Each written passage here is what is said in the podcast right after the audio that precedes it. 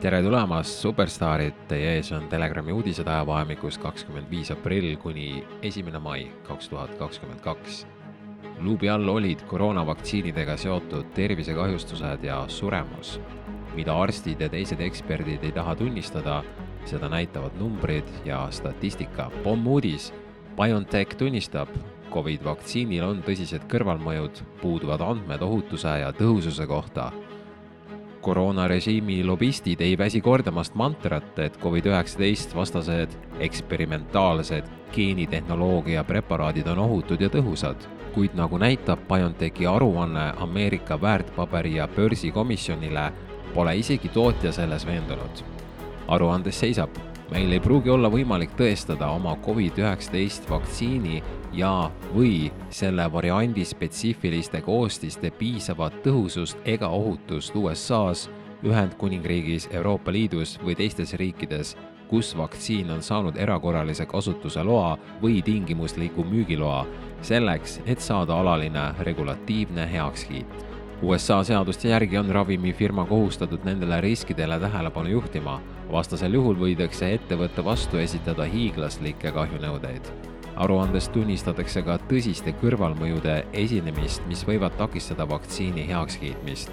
BioNTechi aktsia on endiselt langustrendis ja võrreldes eelmise aasta hinnaga kolmsada kaheksakümmend dollarit on aktsia jäänud viimastel kuudel saja kahekümne kuni saja kaheksakümne viie dollari vahele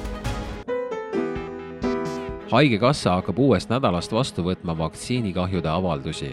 Hüvitist makstakse vaid neile, kelle mured on pikaajalised, see tähendab kestnud vähemalt neli kuud ja korrektselt arstide poolt fikseeritud. Riik on planeerinud vaktsiinikahjude hüvitiseks tänavu viissada tuhat eurot ja tänase seisuga on Ravimiameti hinnangul võimalik seostada vaktsiinikahjustustega viit surmajuhtumit taotlusi saab esitada ka tagantjärgi ning seda võivad esitada ka need, kes seni pole Ravimiametit tüsistustest teavitanud. ravimiamet on tänaseks saanud üle seitsme tuhande teatise, neist kolmesaja viiekümne puhul on tegu olnud tõsisema tervisekahjustusega. Vaktsineerimise kõrvalmõjud, mida teha, kui arst ei võta teid tõsiselt. kui pärast Covid-19 vaktsineerimist ilmnevad kõrvaltoimed, on arstid kohustatud neist teatama paljud aga ei täida seda kohustust ja eksperdid eeldavad, et juhtumitest teatatakse oluliselt vähem. hinnanguliselt jääb teatamata lausa kaks kolmandik juhtudest.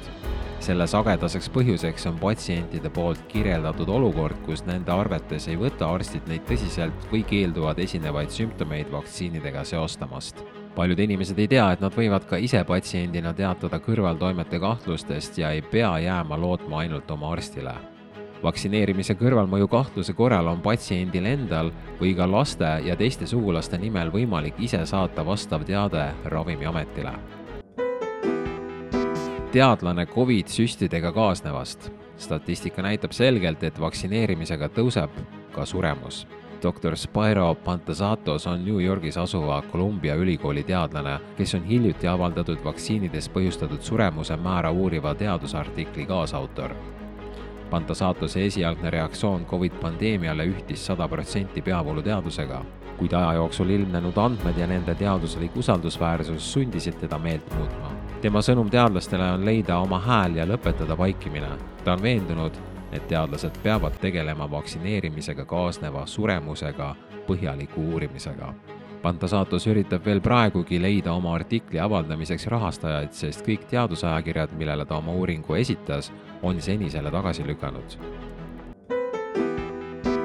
sõnavabadus on ohus. Euroopa Liit võtab veebiplatvormide jaoks vastu rangemad eeskirjad. koos koroonaga oleme kogenud sõnavabaduse asemel igapäevaseks nähtuseks muutunud faktikontrollijate tsensuuri diktatuuri, mille üle ei imesta enam eriti keegi nüüd on Euroopa Liit aga teada andnud, et veebiplatvormidele tuleb kehtestada nii-öelda illegaalse sisu veel kiirem eemaldamise võimalus.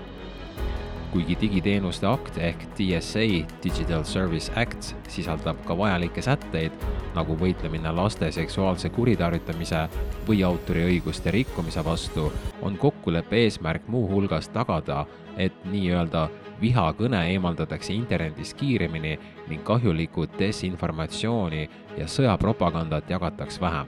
probleem on aga selles, et kes määratleb, mis on kahjulik desinformatsioon. vastavalt riikide valitsuste ja Euroopa Liidu Parlamendi vahel saavutatud kokkuleppele on otsustajateks kõikvõimalikud riigiasutused, kes saavad tulevikus ilma eelneva kohtuloata anda hosti teenuse pakkujatele piiriüleseid korraldusi. Mõjutatud platvormid peavad seejärel sellise sisu viivituseta blokeerima või eemaldama ning teatama ka tõsistest kuritegudest politseile.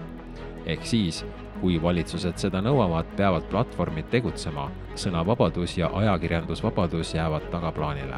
kokkulepitud tekst peab veel läbima kontrolli, enne kui Euroopa Parlament ja Euroopa Nõukogu saavad anda ametliku nõusoleku. seadus jõustuks hiljemalt kahe tuhande kahekümne neljanda aasta alguses uus pandeemialeping. WHO kavandab ülemaailmset ühe nupuvajutusega ellu viidavat tervisediktatuuri.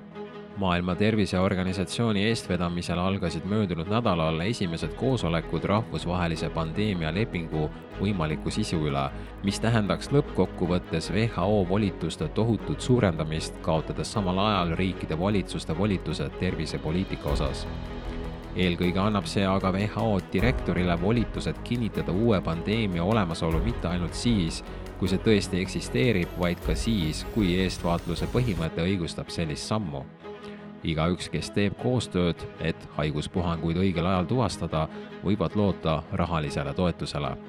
valitsused, kes pigistavad silma kinni ja keelduvad allumast WHO korraldustele, seisavad silmitsi rahvusvahelise abi kaotamisega ja mitmete muude sanktsioonidega kriitikud on aastaid rääkinud, et WHO-st on juba ammu saanud ravimifirmade ja muude lobigruppide mängukand. muide, suurim annetaja on praegu Bill ja Melinda Gatesi fond Pole vaja olla eriline ekspert, et aru saada, mida tähendab selle kurjakuulutava ja vähe kontrollitava organisatsiooni võimu edasine laienemine. ja lõpetuseks ka häid uudiseid.